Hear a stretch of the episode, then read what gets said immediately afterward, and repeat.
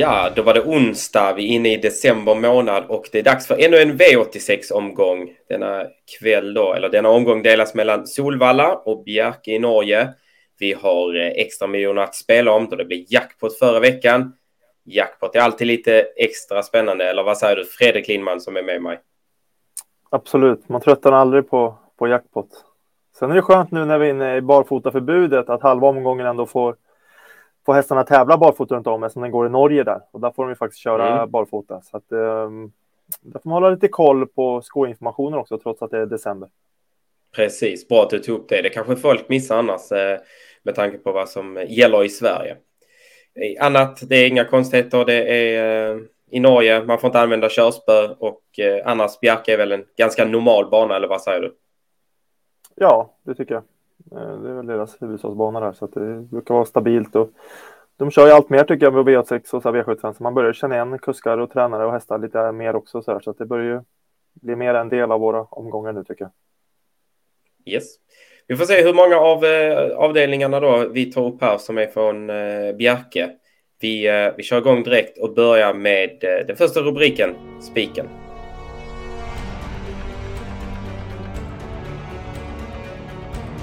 Första rubriken, då är vi i Sverige, vi är på Solvalla, vi är V86 2, där vi har två betrodda hästar. Eh, är det en av dem vi tar ställning för, Fredrik? Ja, vi tar faktiskt ställning för nummer åtta, Filippa BJ, eh, i det här loppet. Eh, det är ett fyraåringslopp för ston. Eh, hon har sämsta läget här, spår åtta. Men eh, hon har tävlat i, i Kulltoppen hela året. Eh, och gjort det med skor runt om. Det är kanske den allra största stora anledningen till att man faktiskt känner sig trygg med att spika henne. Hon har gått, eh, alltså med skor har hon överlägsna meriter i det här fältet. Eh, och det är faktiskt så, även om det är lika för alla, alla måste gå med skor. De flesta hästar här kan trava med skor, så det är klart att det är, ofta blir de lite sämre när de går med skor än barfota. Så att eh, när hon ändå har bäst meriter och framförallt med skor runt om så har hon överlägsna meriter. Så att, och det är bara nio hästar med också, så att jag tror inte att det spelar någon roll. Eh, det känns som en väldigt, väldigt bra chans på förhand här för åtta, Filippa BJ. Körs av Jorma Kontio. Eh, mm. Kolla snabbt på resultatraden då. Fem segrar i Sverige, samtliga tagna med Kontio i sulkin. Så det är väl Precis. också ett plus.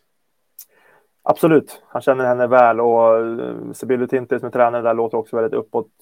De hade tänkt avsluta säsongen här efter British Crown-finalen senast, men Hästen var okörd efter det och känns jättefin eh, i träningen efter det, så därför väljer de att starta igen här. Så att de låter väldigt uppåt också, tycker jag är en passande uppgift och, och, och jag tror att Jorma kommer köra eh, därefter också. Vi räds inte läget utan går rakt ut på 8 Filippa Beijing.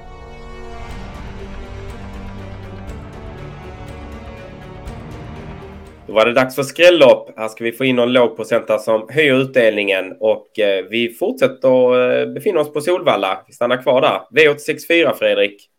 Mm, mm. Eh, vi hade V862 nyss. Det var ju fyraåringslopp för ston. Det här är treåringslopp för ston. Ett år yngre alltså, lite mer orutinerade. Eh, väldigt orutinerade. Det är Treåriga ston som har tjänat max 75 000.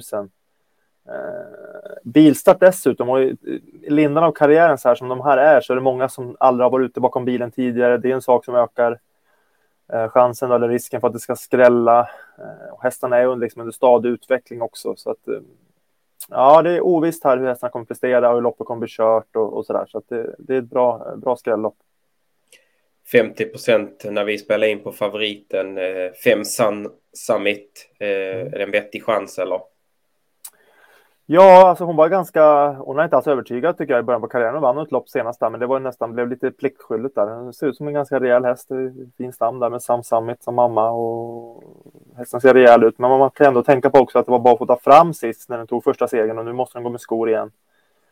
Eh, det är första gången bakom bilen och sådär. Så att, äh, det känns lite grann som att många har gått, eh, kanske spikar där för att, som en nödspik då, bara för att komma ur det här svåra loppet. Så att, jag tycker hon är lite väl mycket spelad. Vi vill ha lite roliga hästar. Vem eh, ska vi lyfta fram? Ja, men jag gillar framförallt eh, i sina lågklasser gillar hästar som sitter eh, långt fram i fältet direkt. Då, för att de är lite orutinerade, de vet inte riktigt vad allt går ut på och signaler sen när man ser ut i spåren. Så att jag lyfter gärna fram nummer ett, Hillsborough Flame där, Marcus B. Svedbergs häst som Claes Sjöström kör. Startsnabb och har perfekt läge, har visat att den är startsnabb också bakom bilen.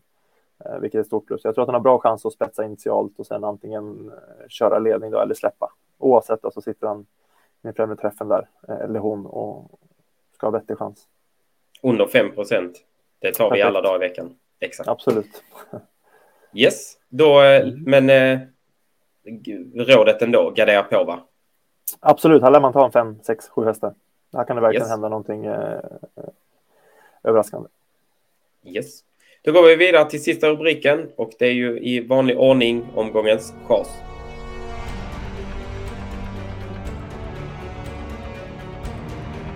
Då har vi avhandlat två rubriker, vi har en kvar och nu äntligen får Bjarke eh, kliva in i, på scenen. Vi är i V86 5. Vem eh, ska vi chasa bort, Fredrik? Mm, högsta klassen, där är väl dagens snabblopp då, eller guldhästarna. Men vi chasar nummer fem, Always On Time. Um, inte favorit i loppet, men hårt betrodd, vilket är märkligt eh, felaktigt. Eh, alltid väldigt startsnabb Always On Time. Han har tävlat mycket i Sverige tidigare och även i de här gemensamma gångarna när det är Norge. Vi vet att hästen är otroligt startsnabb, nästan alltid spetsar bakom bilen. Men eh, medeldistans är ett minus. Det är sko bak nu. Han var sämre senast. Eh, och rent allmänt så tror jag faktiskt att han har svårt att hävda sig i den här konkurrensen över medeldistans just. Hade det varit kort distans kanske han har varit värd att ta med på kupongen, men jag tycker faktiskt inte ens att man behöver sträcka honom som 14 procent är han klart överspelad. Han är väl en av de hästarna som hade tjänat bra mycket mer pengar och bra mycket mer eh, segrar i raden om eh, loppen hade, eller eh, loppet hade varit avgjort efter 300 meter istället för sista 300. Oh ja, oh ja. Um, om man nu funderar på att gardera favoriten här, 11 Blödugers, uh, ska vi bjuda på någon annan istället som är betydligt mer intressant? Ja, men jag tycker Frode Hamres ehm, eh, nyförvärv kan man säga, han har inte varit hos honom så länge där, men nummer sju Hedde Darling här som Frode själv låter väldigt eh, optimistisk kring. Nedstruken ett spår nu. Eh, och Frode är optimist och Always on time som jag sa är ingen medeldistansare. Jag tror att han kommer släppa eh, Bill Sman tränas av Frode Hamre. Han tror jag också kommer släppa om Frode kommer. Så att, ja, det kan vara så att Frode Hamre körs till ledning med sju Hedde Darling och då är han hästen att slå där. Så att, ehm, den är tidig bakom eh, Bledy Bledugers som såklart på pappret har Bledugers en bra uppgift. Men det kan vara värt att ta med nummer sju Hedde Darling också. Ja, tar vi med oss det och summerar dagens tre S så här. Vi på Travon Spel spikar 8 Filippa Beji i V86 2. Skrälloppet hittar vi V86.4 där vi vill lyfta fram ett Hillsborough Flame. Och så chasar vi bort eh, i V86 5, häst nummer 5, Always On Time.